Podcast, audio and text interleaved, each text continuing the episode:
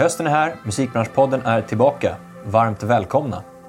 Idag har vi med oss Ellen Kvarby, Head of Creative och A&R på Sony Music Sweden. Vi kommer bland annat prata om hennes resa från skivaffär till collegegolf ända in på Sony. Ja, och vi ska även prata om hur hon ser på dagens musikbransch och specifikt kring hur Sony jobbar. Exakt, vi kör igång!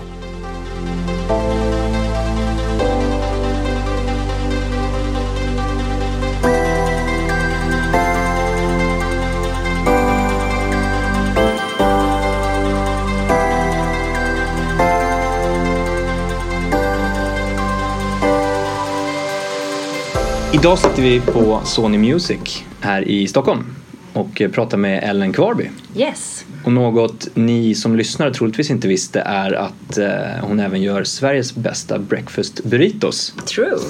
Mer om det senare kanske. Snyggt googlat. Mm. Men först, Mm.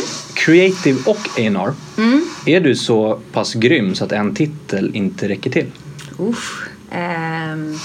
Jag vet inte. Jag får i alla fall testa på nya, två nya olika roller, vilket är skitkul. Um, och de är väldigt nära varandra. Uh, Creative-delen är ju hos oss, vi är fem creatives här på Sony. Um, och då jobbar man med varumärkesarbete, kan vara visuella strategier, sociala mediestrategier, kampanjer med Spotify eller varumärkessamarbeten andra typer av kampanjer artister släpper musik. Det är jätte, jätteolika. Så det är typ som en varumärkes varumärkesbyrå, inhousebyrå, reklambyrå-ish liksom, fast inne på Sony. Och A&R är ju när man jobbar helt med musiken, så helt musikfokuserat och är med och signar artister. Men många A&R hos oss jobbar även med den visuella strategin och som man sätter för hela projekten. Så de är väldigt, väldigt tajta, A&R och creative. Men vi har beslutat oss för att satsa lite extra på det. Därför har vi nu då ett creative-gäng här också som jobbar helt med det. Och du besitter båda rollerna. Jag fick båda rollerna ja. Ja. Ja, jättekul. Grymt. Ja. Kan man säga att ni då är, är ni en av de första egentligen som blandar de här när det gäller creative-delen och A&R? Just när det som du säger med teamet Alltså där. helt ärligt, jag vet faktiskt inte. Du vet nog bättre om det. Jag vet ganska lite om typ de andra skivbolagen i Sverige. Eh, vi tittar mer på andra branscher och vi kommer från lite olika håll och kanter. Men med tanke på hur vi ser ut här på Sony så var det så här vi ville strukturera upp det. Men det kanske, ni kanske vet. Hur är det? Det kanske vi får höra senare, får höra senare. I, i kommande Ja, avsnitt så här eller ser det ut hos oss. Hur ser Ja, det ut annars? Ja. Kul. Hur Mm. ser en normal arbetsdag ut för dig? Svår fråga. Ehm, normal arbete. Har du några eh, morgonrutiner? Mm, jag mediterar varje morgon faktiskt. Gör du det? Ja, men det är innan jobbet. Ja. Så det är innan. Ja, men det är ju en del av Ja, din arbetsdag Definitivt. kan man säga. Jag är verkligen en morgonperson. Försöker starta lugnt och meditation och liksom en bra frukost och så. Men sen på jobbet så är det olika dagar varje dag och det är det jag älskar. Det kan vara allt från att man har typ ett startup-möte med en ny artist och ett stort gäng då, en arbetsgrupp här på Sony. Det kan vara att man ska träffa någon potentiell artist som man vill kanske signa eller höra ny musik ifrån. Det kan vara att vi, vi i Creatives, vi är då fem nu, att vi har, ett, vi har många workshops tillsammans och då fokar vi liksom på en artist åt gången. Så det kan vara att vi ska eh, låt säga att eh, men Danny Saucedo ska släppa en nytt album och då sitter vi och idéer och fokuserar på hur, vad vi kan föreslå till honom för typ av lansering. Så det, är, alltså det finns liksom ingen annan dag som är lik. Eller som i morse när jag kom in jättetidigt för att göra mina kvitton för jag har inte gjort det på fyra månader. Så det var en härlig start. Skönt. Det- Men det var efter du hade mediterat. Det var efter Så det fungerade? Ja, Vad menar du med dina kvitton? Man måste redovisa kvitton varje månad typ, för ut- utlägg för jobbet. Mm, och jag har jobbat väldigt mycket med Kent på sistone så då har jag liksom inte prioriterat min, mina kvitton. Så det ska rapporteras nu- varje månad men Ja, det blev var helst. fjärde. Ja, nu blev det det. Mm. Och det var inte så bra. Och nu kommer jag gå i personlig konkurs om två veckor om jag inte gjorde det idag. Så det gjorde jag det idag. Mediterade du extra länge då i morse för att klara av det? Nej, men jag kände mig extra redo liksom. Ja, jag var Ja. laddad. Laddad för att in stålarna på banken. Hur länge har du mediterat då? Ehm, alltså, inte så länge faktiskt. Kanske bara en månad. Ingår det i din hälsoplan? I min hälsoplan. Som vi pratade om Ja, tidigare. exakt. Eh, ja, den ingår faktiskt i min hälsoplan. Men jag provat med, alltså jag yogar ganska mycket och då mediterar man ju där. Men det här med att göra det varje morgon var någonting jag testade för att det är så himla lätt att vakna upp på morgonen och direkt fokusera på allt man ska göra hela dagen och bli liksom, men lite stressad eller bara börja så starta och checka av någon to-do-list eller ja, men, börjar för hetsigt. Mm. Eh, och det känns skönt att bara vakna och liksom ta det lite lugnt och andas och verkligen fundera på vad man ska göra och fokusera på idag. Mm. Göra några saker bättre än massa saker snabbt. Ja. Bra inställning. Känns. Ja, men jättebra inställning Fråga ekonomi här om de tycker jag lyckas med det så är Ja, svaret tveksamt. Men, men ja, det är målet. Men för då har du målet att starta liksom så klart som möjligt varje dag Ja. helt enkelt. Ja. När öppnade du mailen första gången? Ja, det är en väldigt bra fråga. Eh, Jag brukade alltid öppna den så fort jag vaknade, typ. Alltså i princip, vilket ju är inte en bra start på dagen. Tidigast på tunnelbanan till jobbet. Eller tidigast när jag promenerar till jobbet. Men helst när jag är på jobbet. Det beror på vad det är för tider. Det är det som är, det är väl en dag som är mer normal. Men om det är en hetsig releasekampanj eller alltså om det är mycket som ska göras. Vissa dagar jobbar man ju mycket längre än andra. Och då är man ju med senare in på kvällen och tidigt på morgonen. Men ja, så det beror på. Är, är det mycket mailkorrespondens? Ja, jättemycket. Mm. Det är inte så mycket telefon. Ja, det är på mycket av båda. Alla har sina olika preferenser. Om vi går vidare in i dagen då, Ja. eller in på dagen, nu har Ja. vi eh, av- bockat av morgonen. Ja. Mm. Om vi går in på dagen, när du väl är på kontoret eller om du är ute på någon eh, uppdrag eller liknande Mm. för en artist. ehm, hur många olika bollar i luften har du? Alltså hur många artister jobbar du med samtidigt? Mm. Ehm, mellan tre och sju kanske. Mm? Löpande mellan- hela tiden? Ja, det kan också vara fler, men ungefär så. Mellan tre och sju. Och det beror på igen hur, hur eh, stort projekt det är. Det vill säga hur mycket Eh, ja, men, ja, Kens sista platta är ett jättestort projekt liksom. Men en debutant som släpper en EP är ju eh, oftast lite, ett lite mindre projekt liksom. Det är väldigt olika. Just det. Eh, och sen också som teamlead så jobbar man ju eh, också med teamets eh, alla artister liksom. Vi är fem stycken men alla är ju det antal man jobbar med är ju uppdelat per person. Eh, men ibland så kommer jag ju in såklart och stöttar eller tänker till. Så jag tänker på hela teamets framgång eller vad ska säga. Eller resultat. Även fast alla är, har eget ansvar. Och kan det vara då, de här artisterna du jobbar med, 57 Mm. stycken, kan det vara så att sju, om du har en hektisk period och jobbar med Mm. sju stycken artister, kan det vara att alla de sju är major-artister eller Nej. väldigt, väldigt stora artister? Nej, det är, nej, nästan aldrig. Det är så? Ja. Det är mer, Det är blandat. Okej. Och, och framförallt inte alla släpper musik exakt samtidigt. Det är väldigt mycket olika faser. Och framförallt nu när jag jobbar med A&R-arbete också. Att ta fram musik kan ibland gå fort men ibland kan det ta jättelång tid. Ehm, så att alla projekt jag jobbar i nu är i jätteolika eh, faser. Så det funkar ganska bra. låter mycket, mycket spännande tycker jag. Ja, jätteroligt. Ja. Men ibland kan det kaosa. Att alla plötsligt blir aktuella samtidigt. Och då får man ju hjälpas åt. Mm. Det, det går inte att planera för sin arbetsdag eller sin, sitt år liksom. Och inte prioritera bort mediteringen. Exakt. Eller hur? Ja, Den måste vara ett stående element. Ja, det måste vara ett stående element. Det låter- 13 minuter. Är det så? Du håller alltid 13 minuter? Ja, men det är ett program jag lyssnar på. Som Okej. är 13 minuter. Är det samma program varje morgon? Mm, men jag är sugen på att byta nu. Mm. Om ni har något tips där ute i podcastvärlden får ni Ja, säga till. absolut. Ja.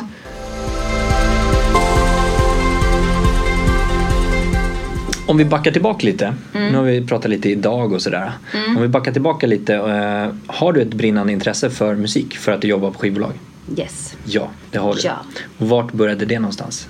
Mm, det började väl liksom sen jag föddes typ. Min familj är jättemusikaliskt intresserade, spelar instrument själva och ja, men det har alltid varit i fokus liksom i ens uppväxt. Sen har jag alltid gått i olika musikskolor och sjungit och spelat massa instrument, spelat i band och um, jobbat i CD-butik, spelat skivor. Jag har liksom fortsatt med ju äldre jag har blivit. Ehm, så ja, jag är jätteglad för att jobba med musik nu. Det är skitkul. Något av de där banden du spelade i? Eller det kanske bara var ett? Nej, alltså de Finns var det inte något kända. Nej. det var när man var yngre. Ja. Och sen så körade jag ett band som eh, ja, spelade på typ Debaser. Men det var verkligen en kort period. Så det är inget jag Mm. Finns vill det någonting? Ute på interwebs Ja, säkert. precis. Men jag kommer inte ge dig någon mer detalj. Nej. Så nu, du hittar det med breakfast burriton. Så Ja. jag litar på ditt, dina googling skills. Vi ska kika på det lite Mm. mer när vi kommer tillbaka till kontoret. Gör det. Vilken skivbutik var det? Ja, exakt. Eh, det var ehm, Point heter den, på Centralstationen. Den fanns både i Sturegallerian och på Centralen. Men de har ju konkat nu liksom. Ja. Eh, I och med kris. Just det. Kris. Krisen är ingen livs CD-skivor längre. Mm. Ja, jag jobbade med Megastore. Ja, vad roligt. Men det här musikintresset, ledde det då till att du tog dig in i musikbranschen? Ja, absolut. Så det var ju, man skulle kunna säga att jag har gjort det vid två olika stötar. Första stöten var väl efter gymnasiet och det här med CD-butiken och min största, jag är värsta jazzfanet. Så min dröm var typ att boka jazzartister på Stockholm Jazzfestival. Det var liksom, om jag fick välja ett jobb i världen så var det det. Um, och då ringde jag och var ettrig mot jazzfestivalens personal och eh, fick komma och hälsa på dem och övertalade dem att jag skulle få jobba där gratis och praktisera då liksom. De förstod inte riktigt varför jag ville jobba där liksom så men tyckte det lät kul eller okej liksom. Så jag hängde där och kopierade avtal och klistrade kuvert och hade mig. Eh, och var, älskade det. Det var jättecoolt att få, att få kopiera artisters riders. Liksom. Fett, fett roligt. Om man får kopiera någon grej så skulle jag vilja kopiera en rider.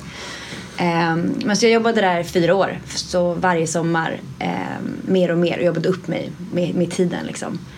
Uh, från att kopiera kvitton till att näst sista året så fick jag verkligen ja, men assistera PR-personen där och göra min egen kampanj som faktiskt vann eh, silver i guldägget. Så det gick ju jättebra. Snyggt. Jättekul. Verkligen. Wow. Ja, så det var stötet.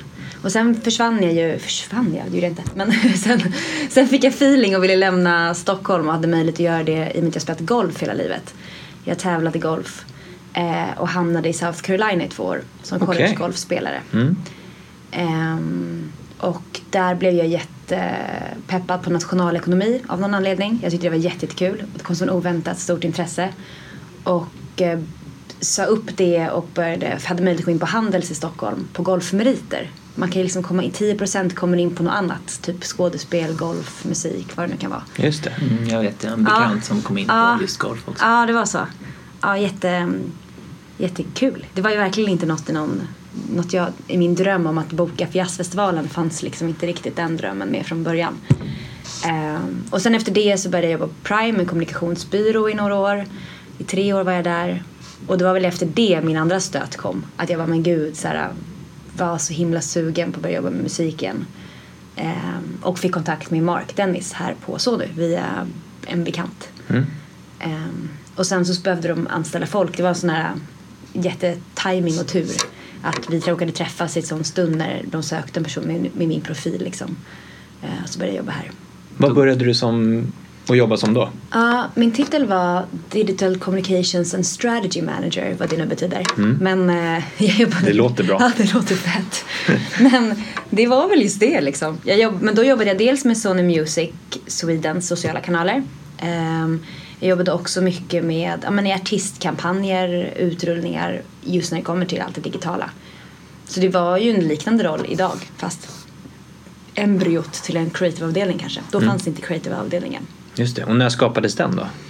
Den har liksom växt naturligt av att vi har satsat mer och mer på, ehm, på den rollen eller på det utrymmet här på Sony.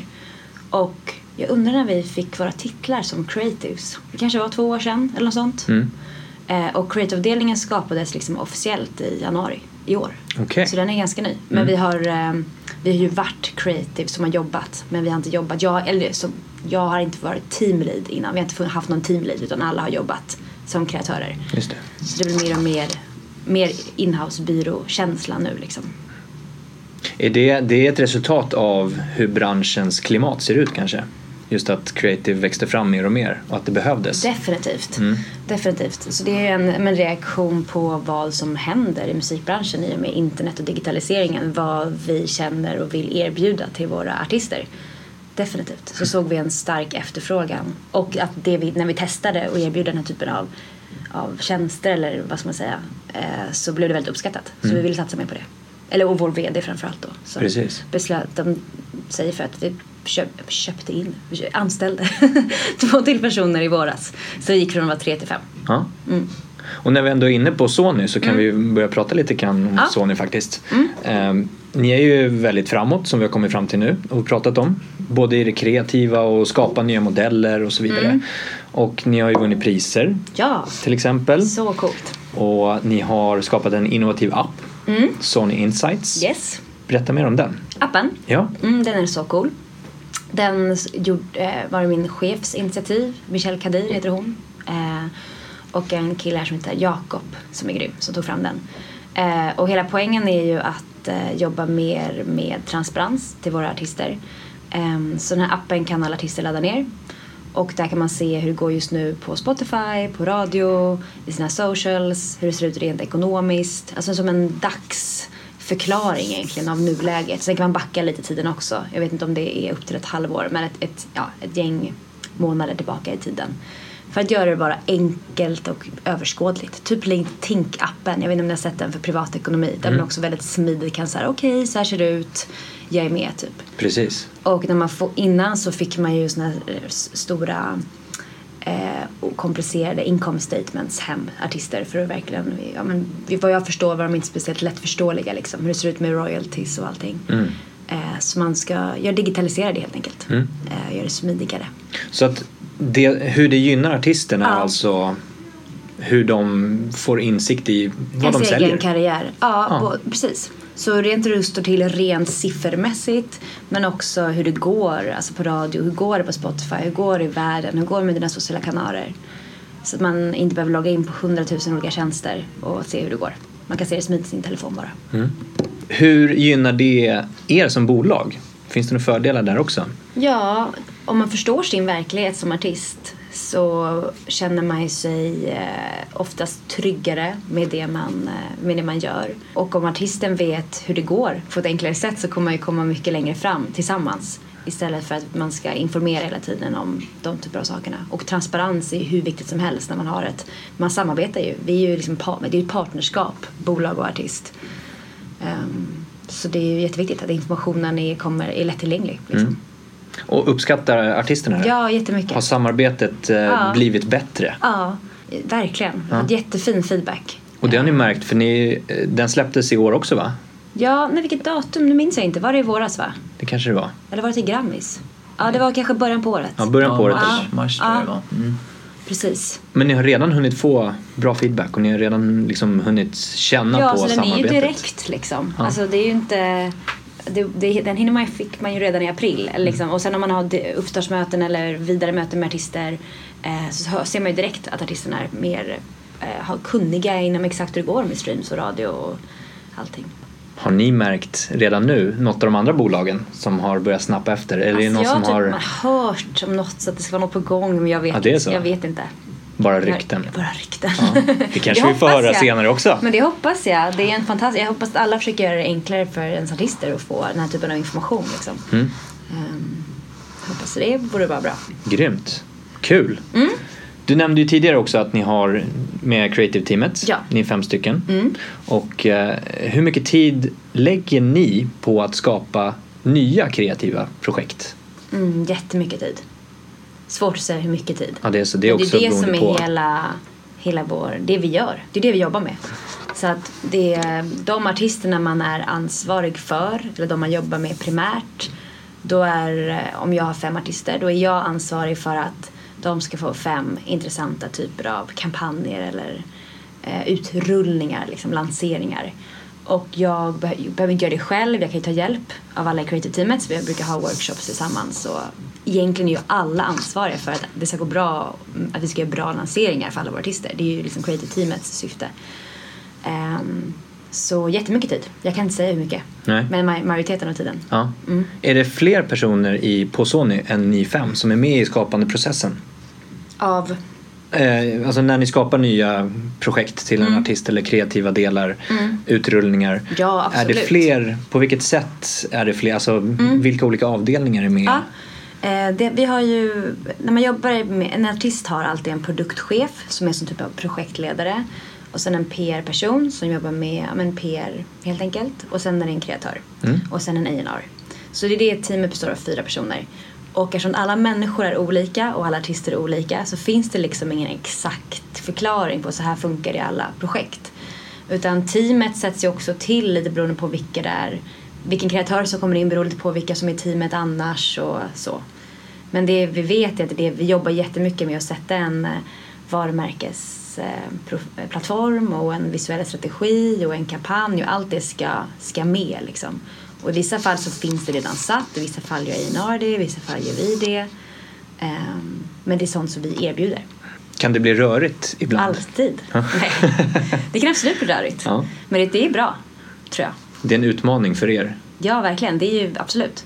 Det ska vara rörigt. Det ska vara lite rörigt och man ska, precis när man tänker nytt och eh, om det ska kännas, känns bekvämt hela tiden så är man nu helt fel ute.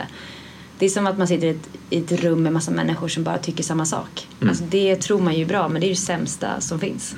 Man måste ju ha folk som vågar utmana eller säga emot eller tycker något helt, helt annorlunda. Ta in, men ibland så frågar jag men vem som helst på jobbet om, om feedback och råd. För det kan inte, det är inte, alltså, man måste kolla vad alla känner och tycker liksom. Mm, precis.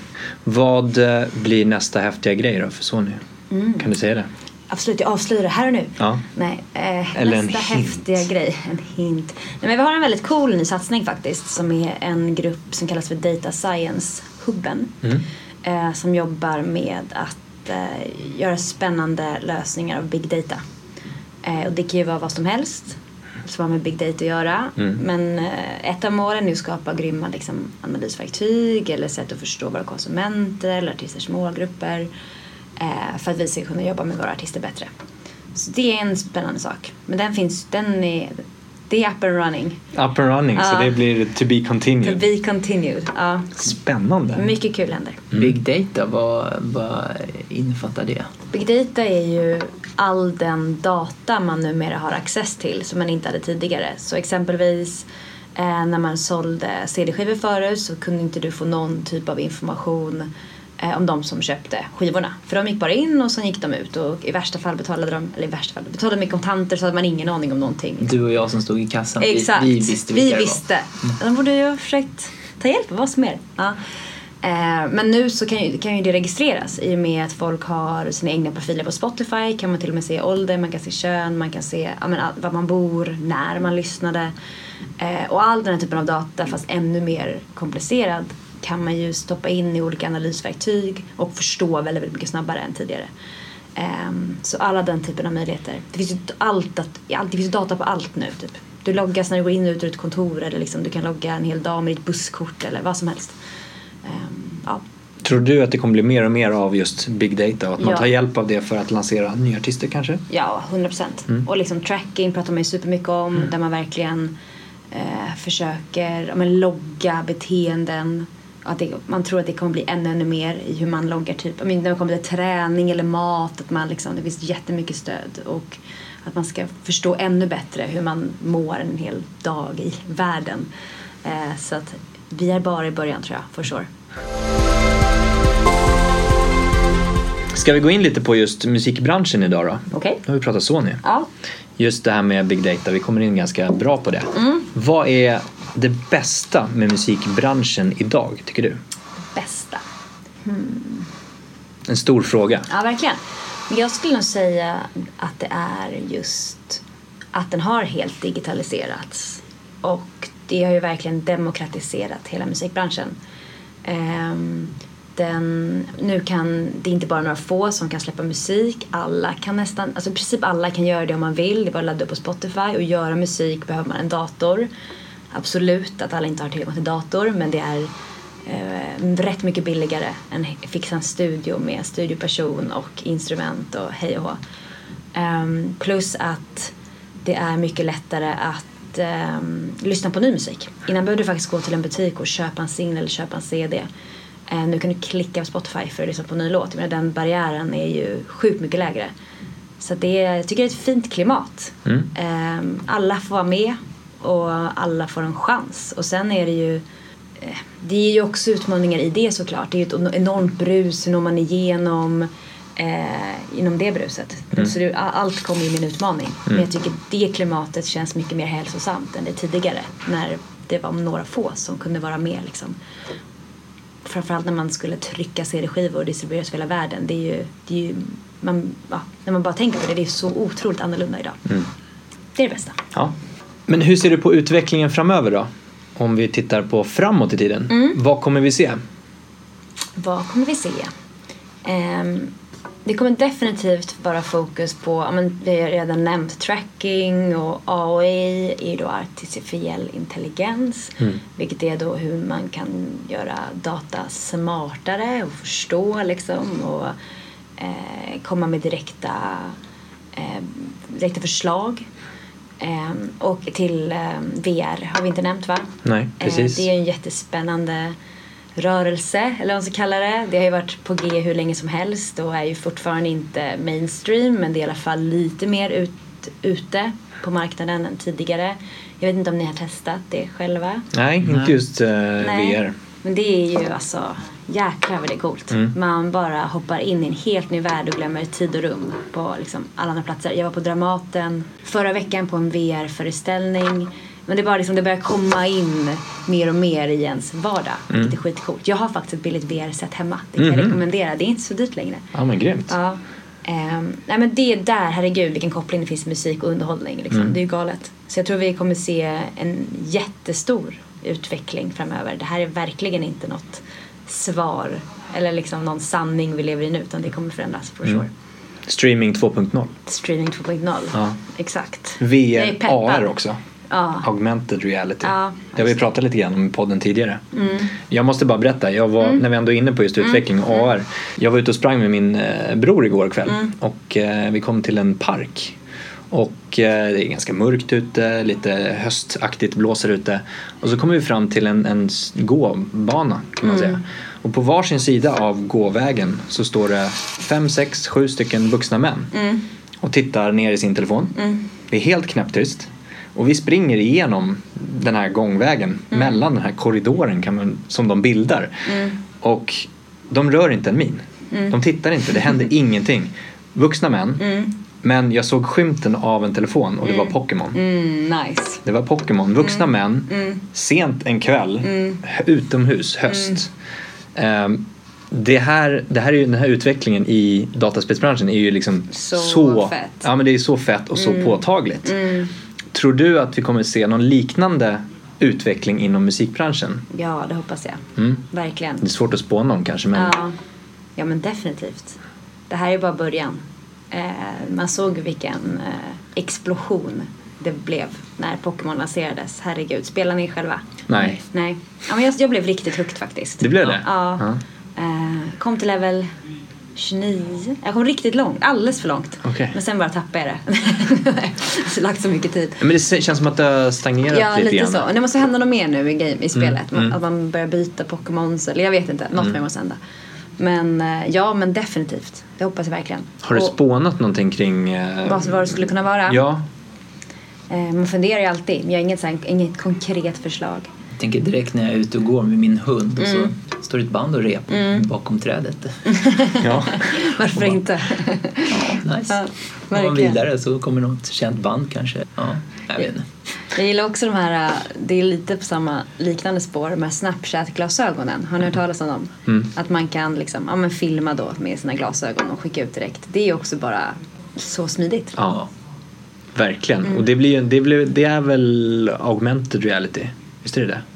Nej, den filmar bara. Den filmar. Den filmar bara, okej. Mm. Men just det här augmented reality Mm. tycker jag är häftigt. Alltså. Hur man kan blanda om man t- tittar på live till exempel. Mm, verkligen. Och kika på och lägga till massa häftiga effekter Mm. på om folk har då ett par 3D-glasögon Mm. som med sådana eh, augmented reality-tekniken i. Mm, Man kan göra hur mycket som helst. mm, Det är bara fantasin som sätter gränserna. exakt.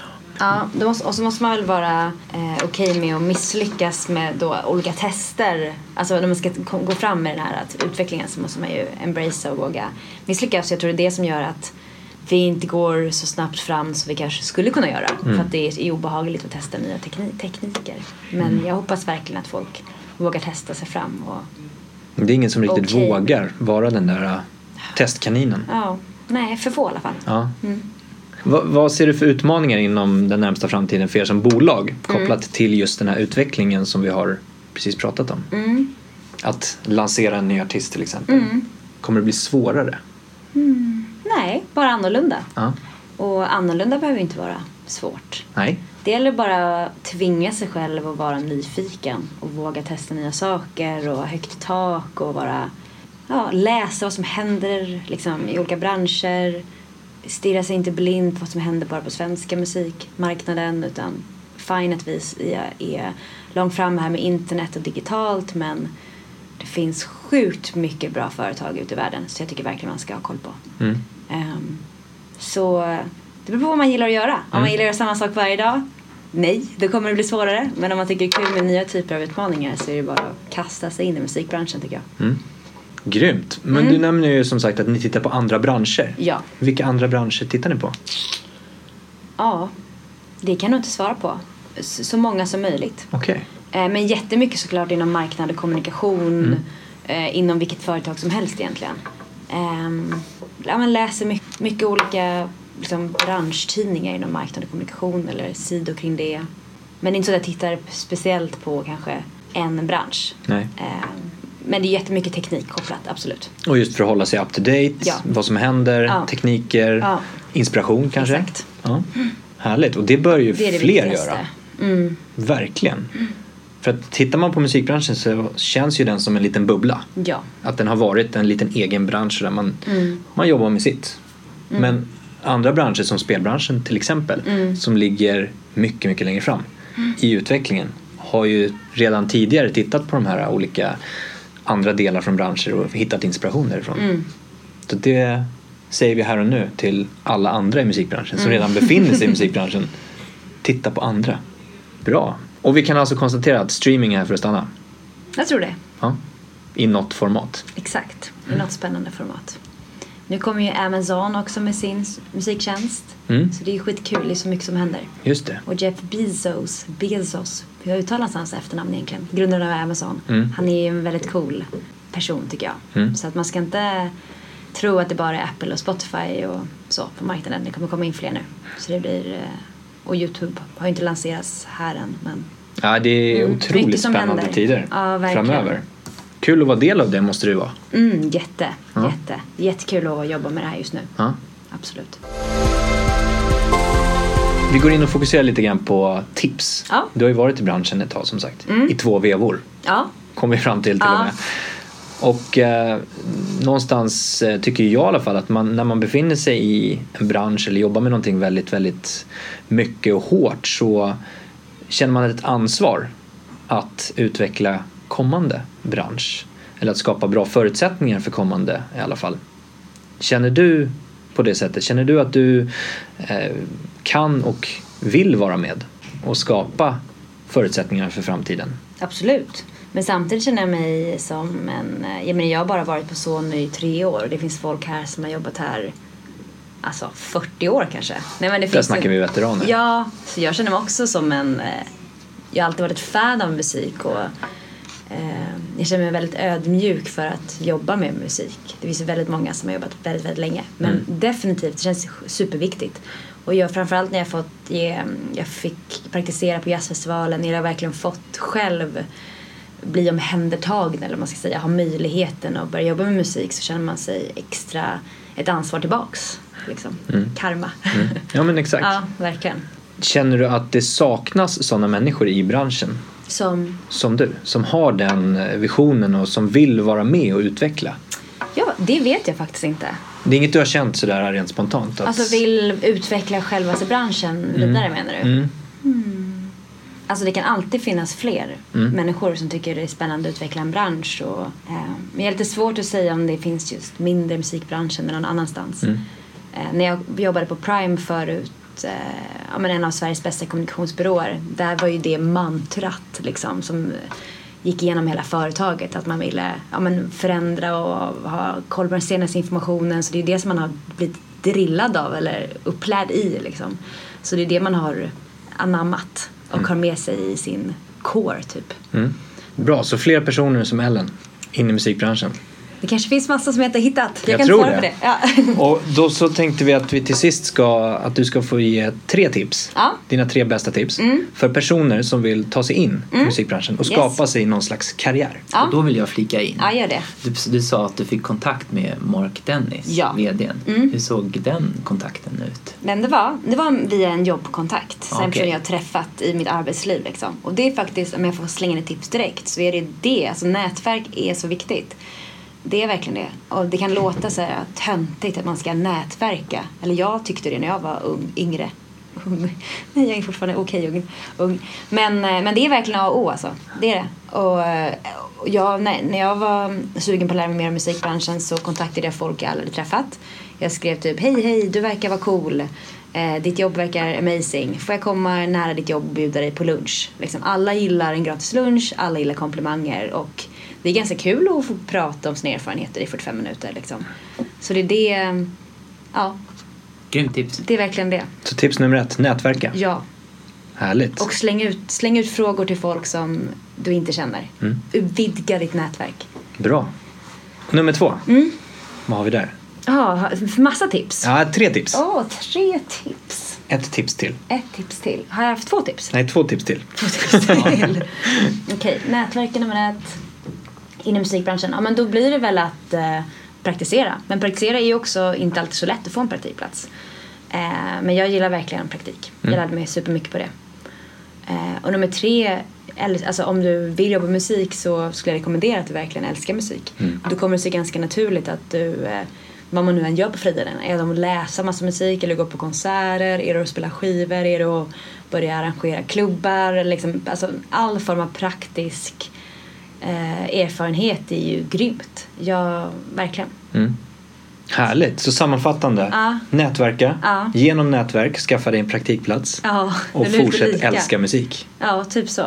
Kanon! Kanon. Ska vi avsluta med att du får berätta om din breakfast burrito? Ja, just det. Den är riktigt god alltså. Den är det? Mm, det är nog den bästa jag ätit i Sverige. Sen i Austin finns det ju bättre. Liksom man är ju körd om man åker till den delen av USA. Okej, det är... Eh, den är inte jättekomplicerad. Men görs det, framförallt det viktigaste är att man gör sin egen salsa. Och då har du ett gäng goda tomater, typ cocktailtomater, eh, lök, jalapeno och sånt. Och så gör du det i ugnen och sen eh, men, blandar det. Du eh, blandar och mixar det i en mixer helt enkelt. Det gick i. Sen har du grym avokado, grym, eh, ägg, grym ägg. Men du har inte vanlig bacon utan du har turkey bacon. Vilket är skitgott alltså. Det var Two Chains som lärde mig det på hans eh, Instagram-kanal. Han gillar healthy food. Ehm, och sen är det självaste tacobrödet.